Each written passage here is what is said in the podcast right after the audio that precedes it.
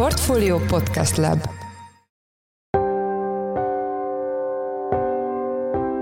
Mindenkit üdvözlünk, sziasztok! Ez a Checklist a Portfólió napi podcastje március 8-án szerdán. Az adás első részében arról lesz szó, hogy Matolcsi György, jegybankelnök ismét erős kritikát fogalmazott meg a kormány gazdaságpolitikájával kapcsolatban. Emellett foglalkozunk a lassuló, de még mindig tetemes inflációval. Nyilván sosem szerencsés, hogyha nem az látszódik, hogy a jegybanki, úgynevezett monetáris politika és a teljes kormányzati, leginkább tipikusan költségvetési politika az nem látványosan együtt együttműködő. Az nem néz ki jól, akkor a piaci szereplők találgatják, hogy hogy vajon az egyik szereplő döntését a másik szereplő hogy próbálja meg negligálni, vagy ellentartani neki. Vendégünk Madár István, a portfólió vezető makroelemzője. A második blogban arról az amerikai és német szivárogtatásról lesz szó, amely szerint egy ukrán barát csoport állhat a tavaly szeptember végi robbantás mögött, amelyben megsérült az északi áramlat 1 és 2 vezeték. Erről Deák Andrással, a Nemzeti Közszolgálati Egyetem Stratégiai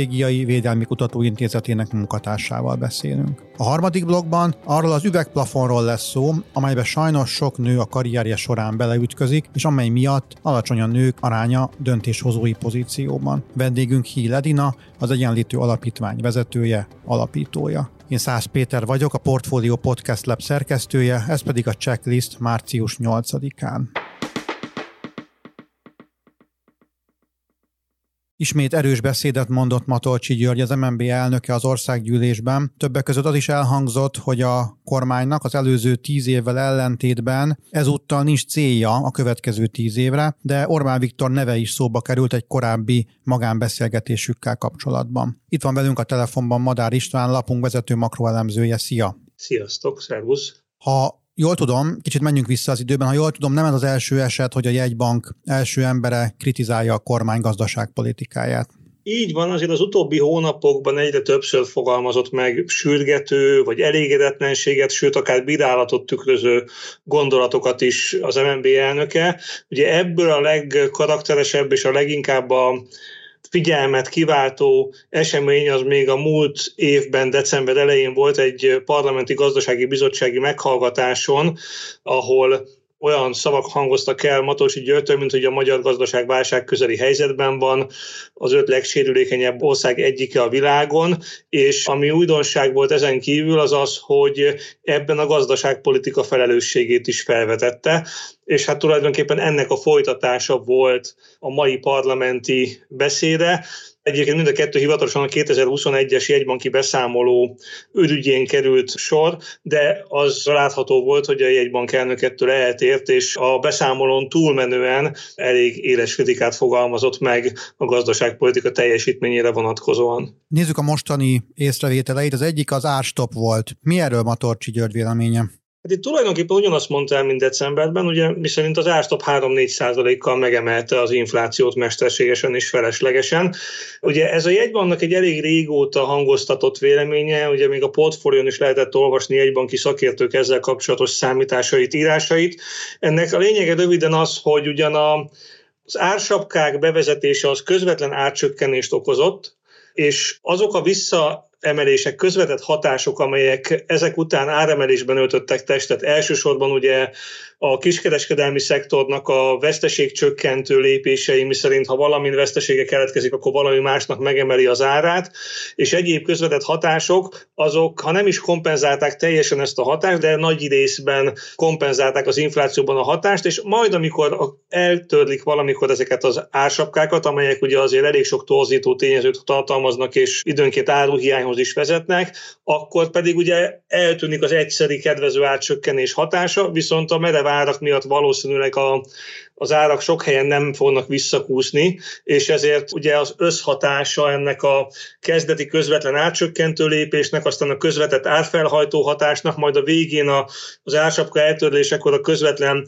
áremelkedés újra megjelenése, ezek összességében a jegybank számításai szerint infláció gyorsító hatásúak, és hogy jobb lett volna, hogyha ilyenek nincsenek. Ezzel kapcsolatban egyébként a jegybank hivatkozik a 70-es évek tapasztalataira is, amikor például a az első olaj robbanás idején az amerikaiak is szívesen nyúltak ehhez az eszközhöz, majd az ottani tapasztalatok a egyban véleménye szerint megegyeztek a hazaiakkal, miszerint nem sok értelme volt ezeket bevezetni. Madolcsi György fájlalta azt is, hogy elmaradtak bizonyos reformok itthon. Mire gondolt pontosan? Igen, ő úgy fogalmaz, hogy 2010-es évek elején, közepén inkább tulajdonképpen egyfajta, hát más szóval élve reformfáradtság vett erőt a kormányzaton, és olyan fontos átalakítások maradtak el, amelyeket a jegybank sürget. Ugye az közismert, hogy a jegybanknak van most már talán 6-7 éve versenyképességi reform sorozatokat sürgető javaslatcsomagja, és ebből a jegybank elnök egyébként a mai beszédében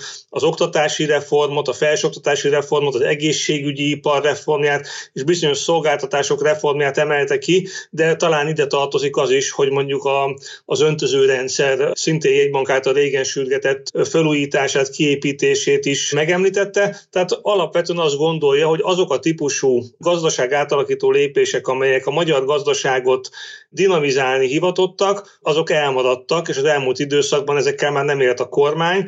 Tulajdonképpen erre vonatkozott elsősorban a kritikája, elég vaskos kritika, hiszen tulajdonképpen ő azt mondja, hogy nagyon-nagyon sokféle átalakítást kellene csinálni a gazdaságban, hogy az növekedést és felzárkózást hozzon, és ezzel szemben úgy gondolja, hogy gyakorlatilag a kormányzat semmit nem tett ez ügyben. Volt egy különösen erős mondata, méghozzá az, hogy utolértek minket a 2010-es évek hibái. Milyen hibákra gondolt? Pont erre a reformok elmaradására gondolt, tehát arra, hogy, hogy miközben ugye neki mindig van egy ilyen víziója, hogy a magyar gazdaság hogy lesz sikeres 10-15-20 év alatt, azt gondolja, hogy azok az elmaradt reformok, amelyek miatt nem dinamizálódott kellőképpen a gazdaság, azok alapvetően járultak hozzá ahhoz, ahogy a beszédben elhangzott, hogy míg az időszak elején még meg tudtunk előzni néhány országot a gazdasági fejlettségben, a közben elindult ezeknek az országoknak a visszaelőzése, és emlegette ennek kapcsán ugye Lengyelországot, Portugáliát, akik visszaelőztek minket, megemlítette Szlovákiát és Romániát is, amelyik ugye nagyon látványosan közeledik hozzánk, és a jóslata szerint Horvátország is rövidesen ott fog a nyakunkon loholni, és hát tulajdonképpen azért mondja, hogy utolértek minket ezek a, ezek a 2010-es évek hibái, mert azt gondolja, hogy ez a lendületvesztés, ez alapvetően ezeknek a reformoknak az elmaradására vezethető vissza. Matolcsi György beavatott minket egy Orbán Viktorral folytatott magánbeszélgetésébe is, ami elég érdekes, illetve kimondta azt, hogy elvi ellentét van a kormány és a jegybank között. Itt gyakorlatilag azokat a találgatásokat azoknak próbálta elejét venni, hogy itt egy sértett jegybankelnök beszél. Mit, mit tudhatunk meg ebből? Igen, nagyon érdekes volt, amit Matolcsi hogy ezzel kapcsolatban mondott. Azt mondta, és ezt ugye már régebb óta emlegeti a beszédeiben, az egyik legfontosabb dolog, hogy mérjünk, hogy mindenféle gazdasági teljesítményt, illetve különböző gazdasági jelenségeket mérjünk meg annak érdekében, hogy legyen ismeretünk arról, hogy honnan, hova tartunk, és ezzel kapcsolatban Orbán Viktor az ő szavai szerint azt mondta, hogy ha mérek, akkor veszítek, és erre pedig Matolcsi György pedig azt mondta, hogy aki nem mér, az már veszített. Ugye ez egy elég erős ellentmondást megfogalmazó szöveg a részéről, de ugye talán annyiban érdemes egy kicsit ezt megvilágítani, hogy ugye Matolcsi György azt mondta, hogy nagyon jó cél volt például a 2010-es években az, hogy amikor a jobboldali kormány hatalomra lépett, akkor volt egy olyan cél, hogy a foglalkoztatást nagyon látványosan is erőteljesen kell növelni. Ugye ez az egymillió fővel több dolgozom Magyarországon szlogenszerű cél volt, és azt mondja, hogy ilyen cél, és ezzel párhuzamosan vízió, vagy olyan terv, amiből az látszódna, hogy a magyar gazdaság mitől növekedne, mitől haladna előre, most nincsen. Ugye ezzel kapcsolatban érdemes megjegyezni, hogy azért annyiban talán ez részben érthető, bár kétségkívül láthatunk ezzel kapcsolatban megerősítő jeleket, hogy ugye 2010-ben, akkor már mint egy öt éve egyébként nagyjából közmegegyezés volt azzal kapcsolatban a magyar gazdaságban és a gazdaságpolitika formálói között, még politikai oldaltól függetlenül is, hogy óriási versenyhátrány, sőt óriási hátrány az egész gazdaság számára, hatalmas teher, hogy nagyon kevesen dolgoznak az országban. Ugye ez még a 90-es évek elejé elhibázott munkaerőpiaci reformoknak és gazdaságpolitikának köszönhető, de nem is ez a lényeg, hanem az, hogy ugye akkor volt egy olyan és ezt az idő utólag igazolta, olyan növekedési motorunk, amit bűn lett volna kihagyni, nevezetesen az, hogy, hogy embereket kell vissza, visszacsatornázni a munkaerőpiacra, és minél több embert kell bevonni, és több ember érkezzen be, mint ahányan elhagyják azt mondjuk az idős korúságuk miatt. És ugye ez egy valóban igazolódott is, hogy ez, ez a fajta foglalkoztatás bővülés, ez a magyar gazdaság egy nagyon jelentős motorja volt az elmúlt évtizedben. És ugye a, a helyzet úgy áll, hogy viszont jelenleg valószínűleg komplexebb módon kellene kezelni a, a növekedési kihívásokat, hiszen egy ilyen jól megragadható növekedési eszközünk jelen pillanatban már nincsen, ugye teljes foglalkoztatás van, munkaerőhiány van, és valószínűleg erre is utal Matós idő, amikor azt mondja, hogy nagyon-nagyon sok reform, apró lépés együttesen kellene, hogy vezessen egy magasabb fejlettségi szint felé, és ő ezt hiányolja, hogy ez nem nagyon van meg ez a, ez a sok apró reform, sok apró fejlesztési lépések tömege, amiből aztán egy magasabb jövedelmi ország kategóriába léphetnénk. Szerinted mi lehet ennek a beszédnek a következménye, és most nem belpolitikai következményre gondolok, hanem kívülről nézve mennyire lehet megbízható egy olyan ország, vagy egy olyan ország gazdaságpolitikája, ahol ilyen ellentét feszül a jegybank és a kormány között? Nyilván sosem szerencsés, hogyha nem az látszódik, hogy a jegybanki, úgynevezett monetáris politika és a teljes kormányzati, leginkább tipikusan költségvetési politika, az nem látványosan együttműködő. Az nem néz ki jól, akkor a piaci szereplők találgatják, hogy hogy vajon az egyik szereplő döntését a másik szereplő hogy próbálja meg negligálni, vagy ellentartani neki. Ilyenekre egyébként az elmúlt időszakban láthatunk is példákat. Volt egy nagyon furcsa pénzügyi szabályozói adókapok a jegybank és a kormányzat között, amiben a jegybank próbált magas kamatokat föntartani, a kormány pedig átnyúlni a jegybank feje fölött és egyéb szabályozókkal ezt a magas kamatot lejjebb verni. Ugye az látszik, hogy, hogy van egyfajta különbség rövid távon is a jegybank és a kormányzat preferenciái között. A jegybanki egyértelműen az, hogy az inflációt törjük le, és bár a kormány láthatóan tisztában van azzal, hogy a lakosságot, az, embereket is elsősorban ez a probléma izgatja, mégis már részben a jövő évi választási időszakra készülve, ugye két választás is lesz jövőre, az láthatóan azért foglalkoztatja a kormányzatot, hogy ebből a recessziós időszakból lábaljon ki az ország, el lehessen mondani azt, hogy van érdemi növekedés, és ugye hát ez a rövidtávú konfliktus, ez, ez nyilván azért hozhat feszültségeket, és ez egyelőre azt gondolom, hogy nem tragikus, és nem arról van szó, hogy ettől most teljesen szét összezavarodnának a tőkepiaci szereplők, vagy a, vagy a reálgazdaság szereplői, de azért mégsem szerencsés egy ilyen dolog, és ugye ez hosszú távra is jól láthatóan megvan ez a felfogásbeli különbség, ahogy a jegybank elsősorban a stabilitásra és a reformok által biztosított magasabb növekedésre sürgetni a kormányzatot és általában a gazdaságpolitikát, a kormány meg legalábbis a jegybank értelmezése szerint egy ilyen reformok nélküli, főleg a külföldi keleti működőtőke beáramlására alapozó növekedési pályát próbál meg fut, fölfuttatni, amire a jegybank elnök egyébként ebben a beszédében explicite azt mondta, hogy ez egy nem jó növekedési modell, és ezzel nem lehet kitörni, nem lehet magasabb jövedelem szintre jutni. Világos, még ha már beszélünk, akkor arra kérlek, hogy röviden vitassuk meg a mai másik fontos hírt is, vagyis, hogy februárban 25,4%-os volt az infláció, ez lassulás, de mikor láthatunk vajon valami komolyabb fordulatot? Így van, ugye januárhoz képest egy minimális csökkenést láthattunk, ez egyébként 18 hónap után az első olyan, olyan hónap volt, amikor az inflációs mutatónk nem nőtt, hanem csökkent. Ráadásul az a 18 hónap ugye nagyon meredek emelkedést hozott, és kétségkívül elindult a csökkenés, tehát nyugodtan mondhatjuk azt, hogy ez a 27 éves rekordnak számító januári infláció, ez talán már nem tér vissza. Ugyanakkor azért azt is látjuk, hogy ez a lassulás, ami most bekövetkezett, azért szerkezetileg még nem túl meggyőző, nem csak a mértéke elég, elég jelképes, hanem, a, hanem maga, az, ahogy ez végrehajtódott, az sem volt igazából nagyon széles körű. Most anélkül, hogy nagyon belemennénk a részletekbe, az látszik, hogy a, a piaci szolgáltatások továbbra is magas inflációs, átárazós környezetben vannak. Az árfolyam visszaerősödése sem nagyon hatott még a, a várakozásokra és az árazásokra, és az is látszik, hogy egybannak van két alternatív mutatója, amelyik megpróbálja megragadni a tartósabb elemeit az inflációnak, az a kettő például még emelkedett. Ezzel együtt azt gondoljuk, hogy valóban itt volt a csúcsa az inflációnak, de hát sajnos egyet kell érteni azzal a konszenzusos piaci és jegybanki véleménnyel, hogy azért itt az év első felében még bőven 20% feletti inflációs mutatókat fogunk látni, és csak az év második felében indul el egy sokkal dinamikusabb konszolidációja az áraknak, vagy legalábbis az inflációnak, és akkor nyugodhatunk meg egy kicsit jobban. Itt szokott lenni egy tudom, félreértés, hogy ha valaki azt hallja, hogy lassul az infláció, akkor azt gondolhatja, hogy majd a boltokban is alacsonyabb árak lesznek, ez ugye közel nincs így, sőt az élelmiszerek inflációja mindig 40% feletti éves bázison, illetve havi bázison is majdnem 2 itt mikor lehet esetleg azt tapasztalni, hogy a bérek, ez fontos, hogy, hogy nem, nem árcsökkenésre van, hogy a bérek lassan fölzárkózhatnak arra a szintre, hogy újra úgy tudjunk vásárolni a boltokban, mint mondjuk két-három évvel ezelőtt. Igen, az nagyon fontos, amit mondtál, hogy valóban azzal, hogy mi arról beszélünk közgazdászok, hogy az infláció csökken, azzal nem arról beszélünk, hogy az árak esnek, csak arról beszélünk, hogy az árak emelkedésének üteme az elkezd lassan is de konszolidálódni.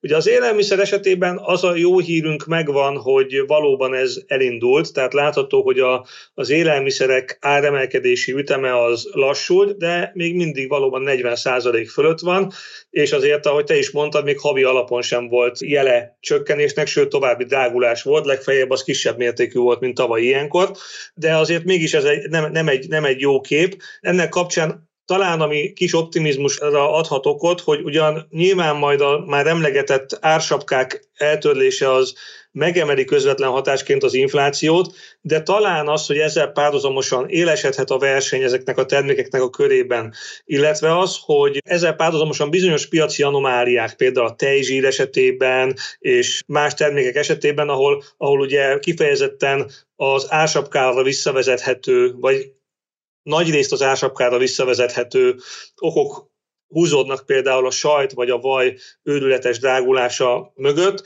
Ezekben lehetnek normalizálódások, ezért azt gondolom, hogy az ilyen nagyon extrém módon dráguló termékek, azok már egyrészt látjuk is a jeleit, hogy olcsóbbá válnak, és mi a következő időszakban is folytatódhat ezeknek a termékeknek a, az árnormalizálódása, de azt valóban nem nagyon kell gondolni, hogy te is a kérdésedbe belefoglaltad, hogy itt az élelmiszerek általános átszintjében valami őrületes esés lesz. Ugye ami ilyen szempontból fontos, hogy vajon erre a vásárlóerő hogyan lesz meg. Ugye azért itt az elmúlt egy évben volt körülbelül egy ilyen 18%-os átlagos bérnövekedés a magyar gazdaságban, és ebben az egy évben volt egy 25% feletti infláció és egy 40% feletti élelmiszerinfláció. Tehát jól látható, hogy azért a boltokban érthető, hogy miért csökken a forgalom volumene, érthető, hogy miért vásárolnak az emberek egyre kevesebbet, egyre több pénzért természetesen, és ebben inkább az év második felében látunk majd azt gondolom némi enyhülést, hogyha az egy évre visszatekintő bérnövekedés és az egy évre visszatekintő áremelkedés ütemét vetjük össze, akkor azt gondolom, hogy ez valamikor az év második felében fordulhat ismét kedvező irányba, tehát akkor mondhatjuk majd azt megint, hogy azért az egy évvel ezelőtti szinthez képest a bérünk az többet ér, mint amennyit az infláció elvitt belőle, de ez nem egy óriási szám lesz természetesen, ez egy viszonylag visszafogott alacsony, alacsony számra kell gondolni, tehát a reálbérek sajnos azért nem fogják a vásárlóerőt őrületes módon növelni ebben az évben egyáltalán, de talán azért ez a fajta vásárlóerő zsugorodás az év második felében véget érhet. A háztartási energiáról tudsz még mondani pár dolgot, hogy hogy alakult az ára, és mit mi várható a közeljövőben? Hú, hát ez egy nagyon cifra dolog, ugye az emberek alapvetően egy statikus árat érzékelnek, legalábbis abban az értelemben, hogy fizetnek egy általányt, meg abban az értelemben, hogy van egy bizonyos úgynevezett átlagfogyasztási szint, ameddig a korábbi csökkentett alacsony áron vásárolják az áramot és a gázt, és utána pedig egy jóval magasabb szinten. Ugye ez látszólag nem változik hónapról hónapra, ugyanakkor statisztikailag az a tény, hogy az emberek kevesebb energiát fogyasztanak, az a statisztikai hivatalt folyamatosan átértékelésre készteti azzal kapcsolatban, hogy mennyibe is került a lakosságnak összességében az energia, hiszen minél kevesebbet fogyasztanak, különösen ha úgy fogyasztanak minél kevesebbet a háztartások, hogy az átlag feletti fogyasztók fogják vissza a fogyasztásukat, az enyhetél meg az energiatudatosság növekedése miatt, akkor az azt jelenti, hogy összességében az energia árak átlagosan csökkennek, különösen a gáz esetében, ahol ugye a, a rezsicsökkentett árhoz képest az úgynevezett piaci ár az hétszeres, tehát ha valaki csak 15%-kal többet fogyaszt az átlagnál, akkor duplázódik a, a, a számlája. Tehát ez a, ez a fajta statisztikai elszámolás, ami megpróbálja megragadni azt, hogy kevesebbet fogyasztunk, és ezért sokkal olcsóbban is tudunk vásárolni. Ez már látszik a számokban. A KSH az elmúlt két hónapban folyamatosan csökkenteni tudta az árindexét, amit a, a lakosság hivatalosan fizet, de ez nyilván azért inkább egy-egy háztartásra, vagy a háztartások egy szűk érvényes, érzékelhető csökkenés. Összességében a háztartások nagy része valószínűleg változatlan árakat lát az elmúlt hónapokban, de statisztikailag valóban igaz az, hogy itt már van valamiféle mérséklődés.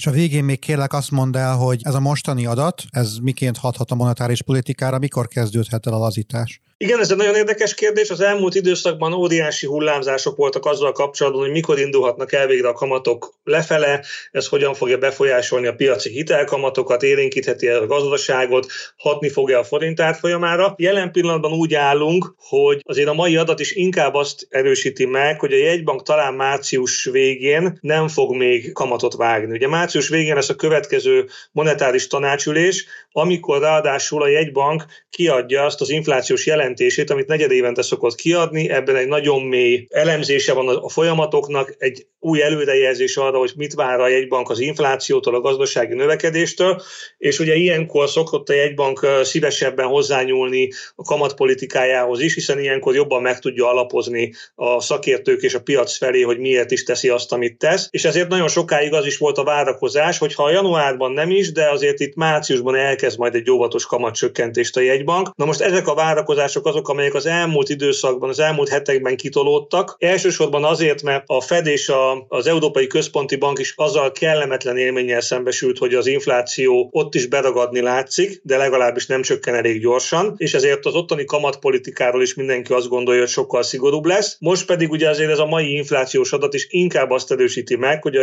jegybanknak nem biztos, hogy feltétlenül rohannia kell a kamatok csökkentésével, hiszen azért még az infláció az jó ideig magas marad itt Magyarországon. Köszönöm szépen az elmúlt percekben. Madár István lapunk vezető makroelemzője volt a vendégünk. Köszönjük, hogy a rendelkezésünkre álltál. Köszönöm én is, sziasztok!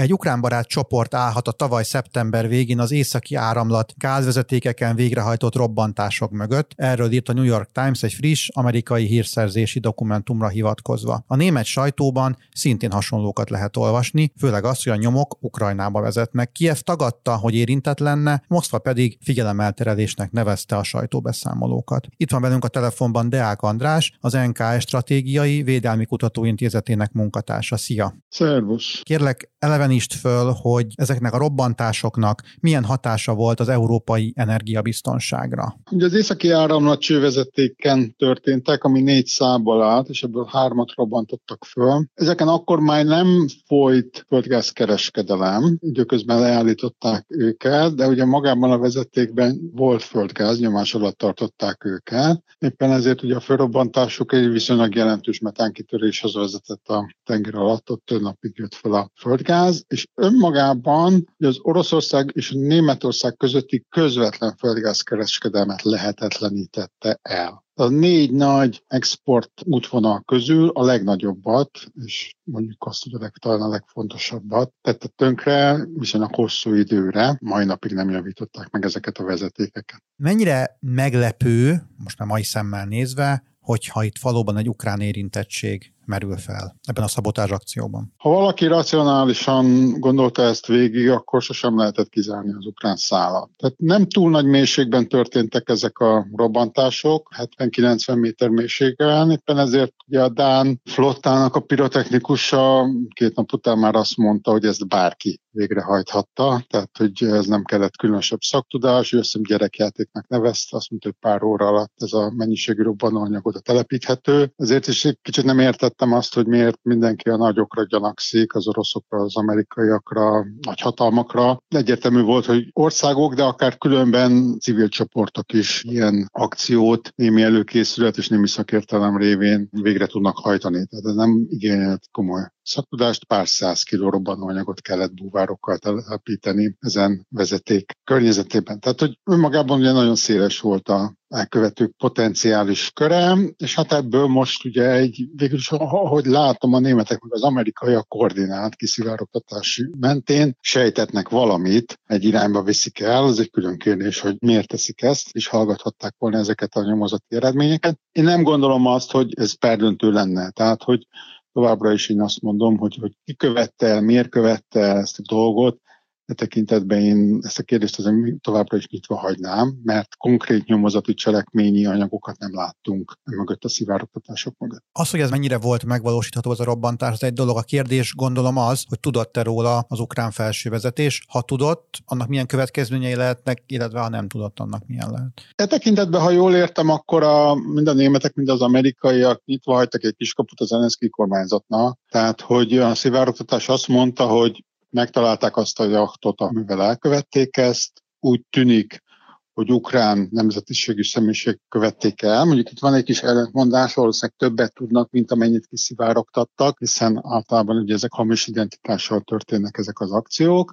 De valóban két dolgot mondtak. Egyrészt arra nincs semmiféle nyom, hogy az Zelenszky kormányzat erről tudott volna illetve arra se találtak semmi nyomot, hogy itt az oroszok egy úgynevezett, azt hiszem idegen zászlósnak hívják ezeket az akciókat, tehát hogy valójában az oroszok követték volna el, de az ukránokra akarnák kenni. Na most ugye az Zelenszky kormányzat ebben a vonatkozásban mondjuk egy ilyen fejmosást látszik kapni a németektől meg az amerikaiaktól, de még mindig kimenekülhet ebből a helyzetből, mondhatja azt, hogy természetesen nem mi voltunk, de ha a mi területünkön szerveződött ez az akció, akkor mindent meg fogunk követni, hogy a felelősöket kézre kerítsük. Ehhez képest ugye nem meglepő módon abban az idegállapotban, amiben most ugye az ukrán vezetés van, abban a helyzetben ugye teljes tagadás jött, hogy ezek nem mi voltunk, és az hazugság, ez nem lehetett ez a helyzet, tehát ukránok nem követhették el majd meglátjuk, hogy ennek lesz-e folytatása. Ugye, hogyha az Zelenszky kormányzat valamiképpen tudott erről és benne volt, akkor rendkívül visszás a helyzet, mert ők közben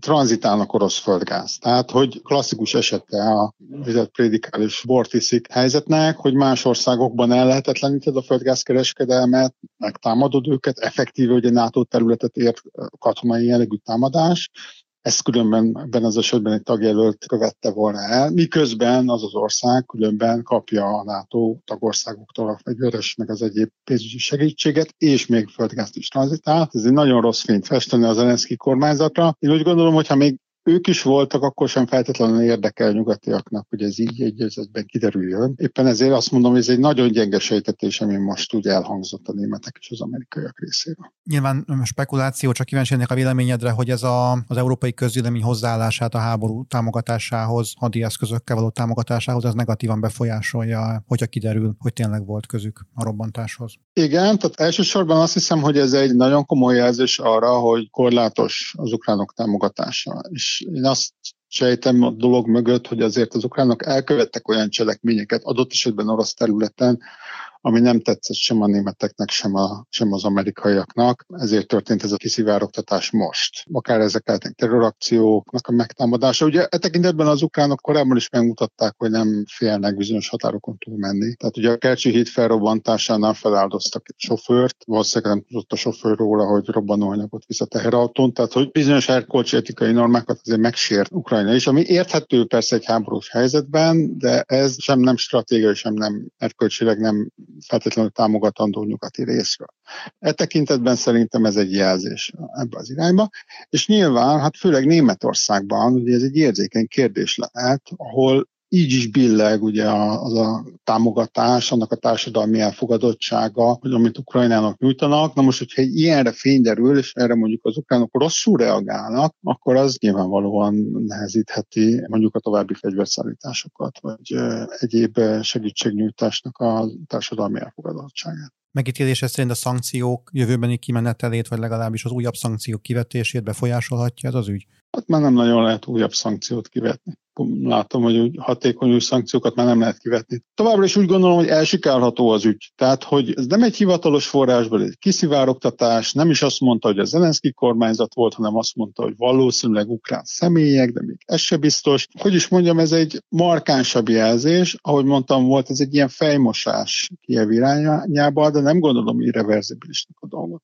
Tehát, hogyha a nagy politika úgy dönt, hogy akkor mégis ezt úgy inkább ne feszegessük ezt a kérdést, akkor, akkor majd utcába jut ez a nyomozás, vagy, legalábbis nem hozzák nyilvánosságra. Minden esetre vannak olyan veszélyei, igen, hogy most már a nyilvánosság figyelme erre a kérdésre ráterelődik. Nyilván az oroszoknak, hogyha ki tudnák használni, akkor ez zicser lenne, tehát biztos van költsége, de nem gondolom, hogy feltétlenül paradigmaváltó lesz. Ez egy jelzés az ukránok felé, hogy bizonyos dolgokat azért nem illene megtenni. Korlátos a nyugati támogatás, feltételekhez kötött, és ezeket a feltételeket be kell tartani. A végén még térjünk kicsit az orosz reakcióra. Az ember azt gondolná, hogy Oroszország, hogy is mondjam, örül ennek a kiszivárogtatásnak, hiszen az ukránokra terelődik a gyanú, de mégis Dmitri Peszkov, Kremszóvivő azt mondta, hogy csak a támadás elkövetői el akarják valamiről terelni a figyelmet. Mi lehet ennek az orosz álláspontnak a gyökere? Az orosz nagy narratíva az arról szól, hogy nem az ukránokkal háborúznak, hanem a nato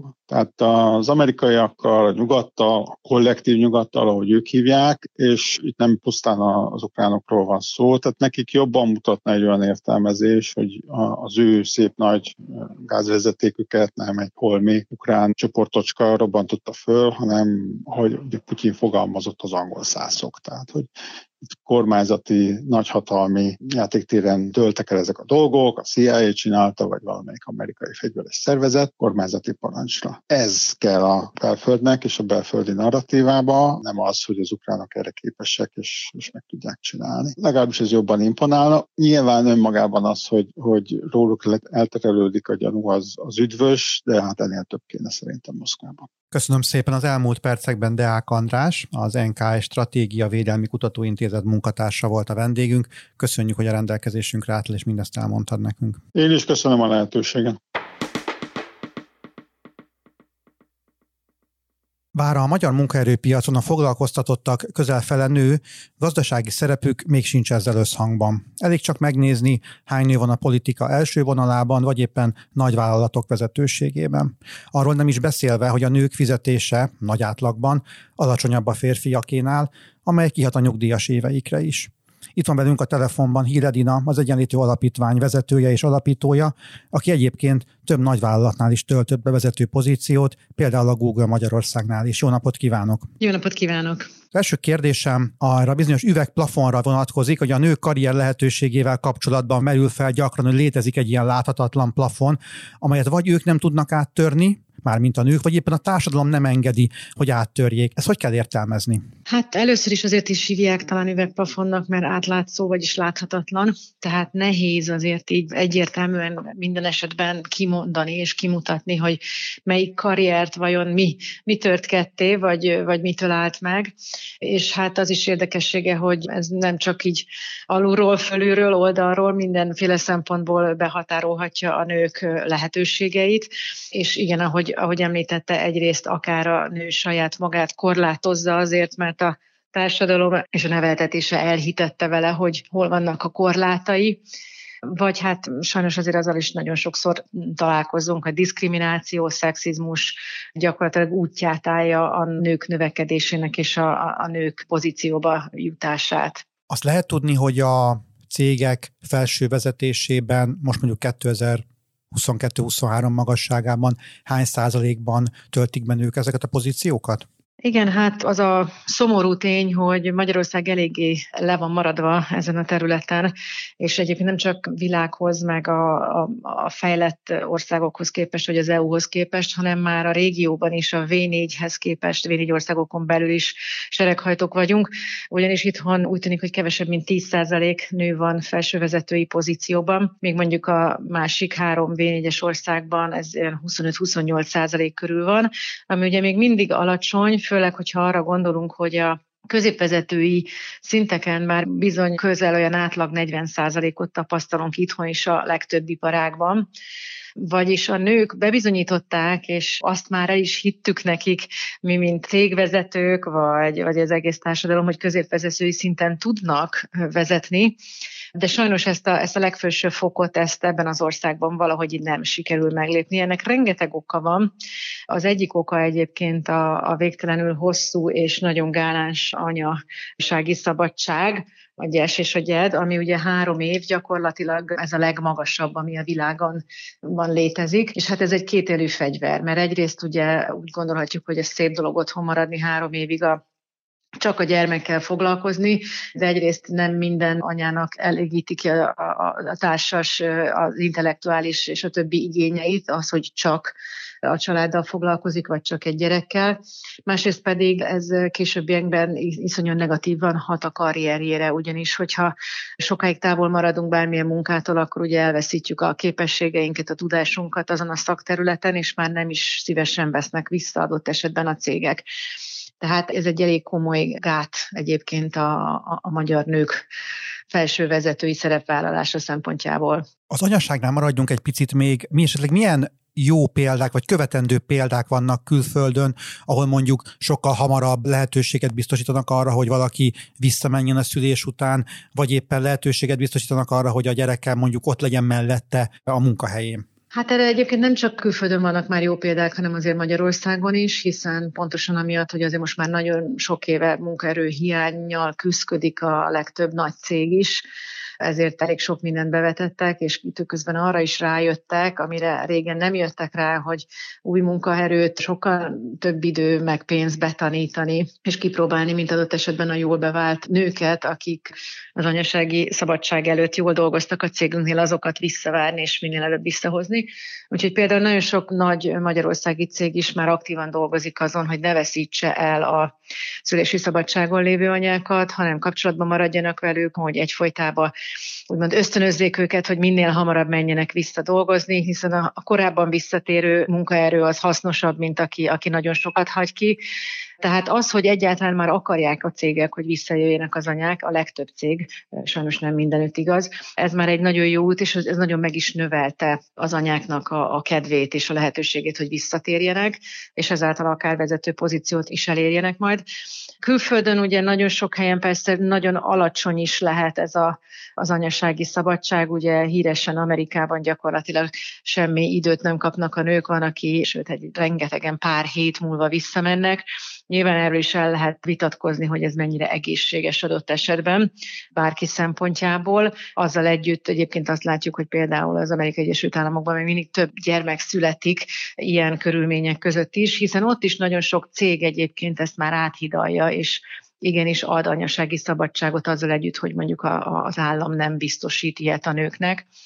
Tehát nagyon sok különböző példa van az életben, vagy a világban, de azt látjuk, hogy a fejlettebb nyugat-európai országokban, észak-európai országokban az anyasági szabadság azért megáll ilyen maximum egy év magasságában, viszont ma már nagyon sok helyen adnak apasági szabadságot is, akár egy évig, például Svédországban, és azt kicsit megtoldják azzal, hogy ezt az egy év apaszabadságot és az egy év anyaszabadságot úgy lehet kivenni, hogy nem vállalhatja át az egyik szülő a másiktől, tehát mondjuk egy gyermekkel akkor lehetnek otthon a szülők két évig, hogyha abból egy évet az apa is, meg egy évet az anya is vállal.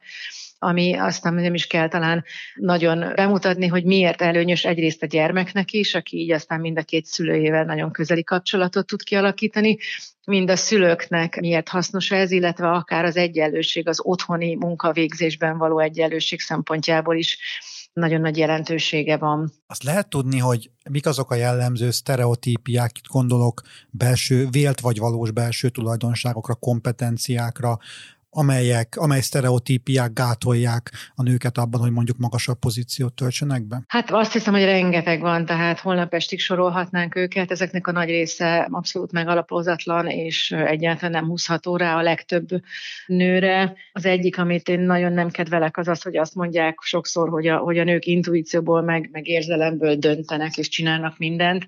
Egyáltalán nem igaz, és én, akinek meg azért majdnem 30 éves komoly vezetői, illetve nagy vállalatoknál eltöltött karrierem van, és rengeteg férfit és nőt irányítottam, azt tudom mondani, hogy az én személyes tapasztalatom, ami persze nem ér semmit, mert csak egy személyes tapasztalat, de akkor is az enyém az volt, hogy a férfiak nagyon sokszor sokkal inkább az érzelmekből viselkednek, döntenek a munkahelyen, mint a nők. A nőket igazából már, már nagyon régen rákényszerítettük arra, hogy sokkal fegyelmezettebben viselkedjenek, mint hogy az érzelmeiket szabadon engednék a munkahelyükön. Mégis ez a sztereotípia valahogy megmaradt, hiszen a nőket akár láthatjuk sírni, az életünkben, míg a férfiaknak nem engedjük meg kisgyerekkoruk óta, hogy sírjanak.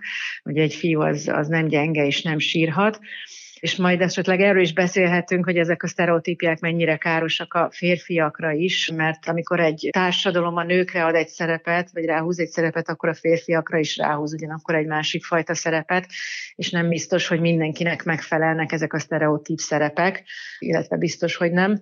A nők cégen belüli ranglétrán való felemelkedését egyébként nagyon sok más sztereotípia hátráltatja, az egyik ilyen lehet egyébként az az előítélet, amikor egyszerűen a nők teljesítményét nem ugyanúgy értékeljük, mint a férfiakét. Erre rengeteg kísérlet van, ami igazolja azt, hogy például ugyanaz az önéletrajz, hogyha egy női névvel van a tetején, akkor sokkal kevesebbet ér, mint az az életrajz, ami ugyanaz, de mégis férfi jegyzi. És hát sajnos ezek a különbségek kijönnek a teljesítményértékelésekben is, akkor is, amikor arról beszélünk, hogy kit nevezzünk ki.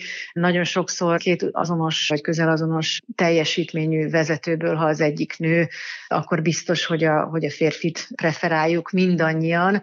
Ezek nagyon, és a nők is, azért is mondom így, hogy mindannyian, mert a nők is és a férfiak is, mert nagyon mélyen elő, előítéleteink vannak, vagy hiedelmeink vannak azzal kapcsolatban, hogy a férfiakat több száz éven keresztül láttuk vezetni, láttuk sikeresnek lenni cégek, országok vezetésében, és a tudomány, a művészet területén, míg a nőknek nem volt lehetőség a történelmünk folyamán még olyan sokszor bizonyítani, vagy egyáltalán láttatni magukat, és ezért a, a mélyen ülő reflexeink azok azt mondják nekünk, hogy az úgy ismeretlen, ami nő és vezető, a férfi pedig, pedig ismerős, ezért kisebb rizikót hordoz, ezért könnyebben kiválasztjuk a, a férfit a vezető pozícióra. Egy kicsit beszéljünk a fizetésekről. Itt van egy, azt gondolom, talán félreértésnek lehet nevezni, vagy inkább értelmezésre szoruló módszertani kérdés, hogy vajon azért alacsonyabb a nők fizetése, mert olyan szakmákban, amelyet jellemzően nők töltenek be, átlagosan alacsonyabbak a bérek, például ilyen az oktatás, vagy arról van szó, hogy nagyjából ugyanazokra a pozíciókra egy nő egy jellemzően alacsonyabb bérajánlatot kap, mint egy férfi, és mondjuk nincs lehetősége olyan feltételekkel tárgyalni. Hát az az igazság, hogy ez, ez több dologból is áll még, mint amit ön felsorolt. Tehát itt három fontos dologról beszélünk. Az egyik az a szintiszta diszkrimináció, mi szerint ugyanabban a pozícióban, vagy ugyanazon a szinten akár nők kevesebb pénzt kapnak, ez tipikusan a HR igazgató, ha nő, ő kevesebbet keres, mint a marketing igazgató, ha férfi. Ezeket lépten nyomon el lehet kapni és hát ilyenek sajnos azért mai napig megtörténnek, főleg KKV területen, ahol még könnyebben akár ki is mondják ezt a, ezt a diszkriminációt, de, de ez, a, ez a jogellenes diszkrimináció tulajdonképpen, de emellett pontosan önnek igaza van, abból is adódik ez a különbség, hogy rengetegen dolgoznak nők az alul fizetett akár úgy is mondhatnám, hogy meg nem fizetett ápoló munkákban, vagy tanító munkákban, mert hogy oda férfiak már nem mennének el annyira dolgozni, mert kiengedheti meg magának, hogy gyakorlatilag annyi pénzért dolgozon, amiből nem lehet megélni, esetleg az, akinek van egy társa, vagy egy családja, aki eltartja őt, és, és van egy harmadik pont, az pedig az, hogy sokkal több férfi van vezető pozícióban, amelyek tipikusan jobban fizetnek, mint a nem vezető pozíciók. Tehát ez tulajdonképpen valamilyen szinten a, egy ország igazságosságát mutatja abban, hogy milyen lehetőségeket ad a nőknek a munkaerőpiacon, de gyakorlatilag komplexen körülbelül ebből a három fontos dolog, amit mondtam, ez határozza meg ezt a különbséget. Magyarország ma az EU átlag felett van ebben a különbségben, tehát nálunk nagyobb a különbség, mint az EU-ban. A mostani helyzetet látjuk. Volt-e valamilyen szignifikáns javulás mondjuk az elmúlt 10-15-20 évben? Ez első kérdésem maradjunk először ennél, aztán majd még a jövőre vonatkozóan is kérdezek. Azt kell mondanom, hogy az elmúlt 10 és 20 évre visszamenőleg abszolút volt javulás, az egész európai szinten és Magyarországon is, viszont Magyarországon az elmúlt 5 évben egy visszaforduló tendencia van, egy romlás van, tehát amíg 2018-ban mondjuk 14% volt ez a fizetéskülönbség, addig ez 2020-ra már majdnem 18%-ot ért el nálunk, tehát de nyilván a 20 évvel ezelőtt sokkal rosszabb volt ez a helyzet. És ha végére még a, a, a jövőre vonatkozóan azt kérdezném, hogy ugye ma már egyre inkább, én legalábbis azt tapasztalom, hogy ciki, és az ember nem szívesen, vagy egyre kevesebben hangoztatják szívesen a béli véleményüket, hogy a férfiak és a nők között milyen különbségek vannak lehetségesnek látja-e, hogy egy 15-20 éven belül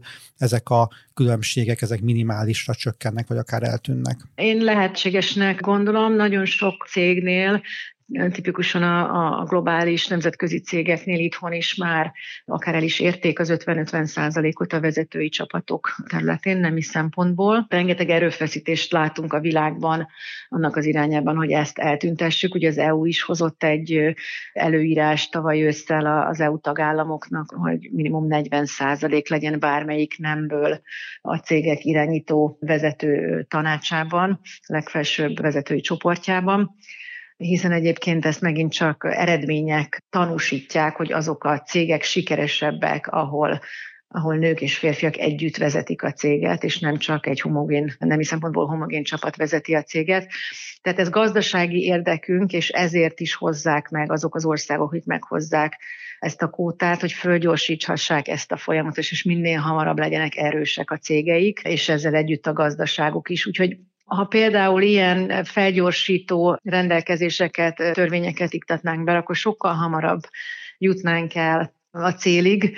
Sajnos nagyon sok országban és nálunk is ez, ez, ez még így valahogy nem ment át, hogy ennek mi a lényege, és ez miért lenne jobb az egész országnak és mindenkinek de reméljük, hogy, hogy a, akár a munkánk eredményeképpen is, és mindenki más munkája eredményeképpen azért ez meg fog változni, és gyorsabban tudunk haladni, mint a mint ahogy a történelem folyamán eddig haladtunk. Én is azt kívánom, hogy ez így legyen. Nagyon szépen köszönöm. Az elmúlt percekben Hiledina, az Egyenlítő Alapítvány alapítója és vezetője volt a vendégünk. Köszönjük, hogy a rendelkezésünkre állt. Nagyon szépen köszönöm. Minden jót.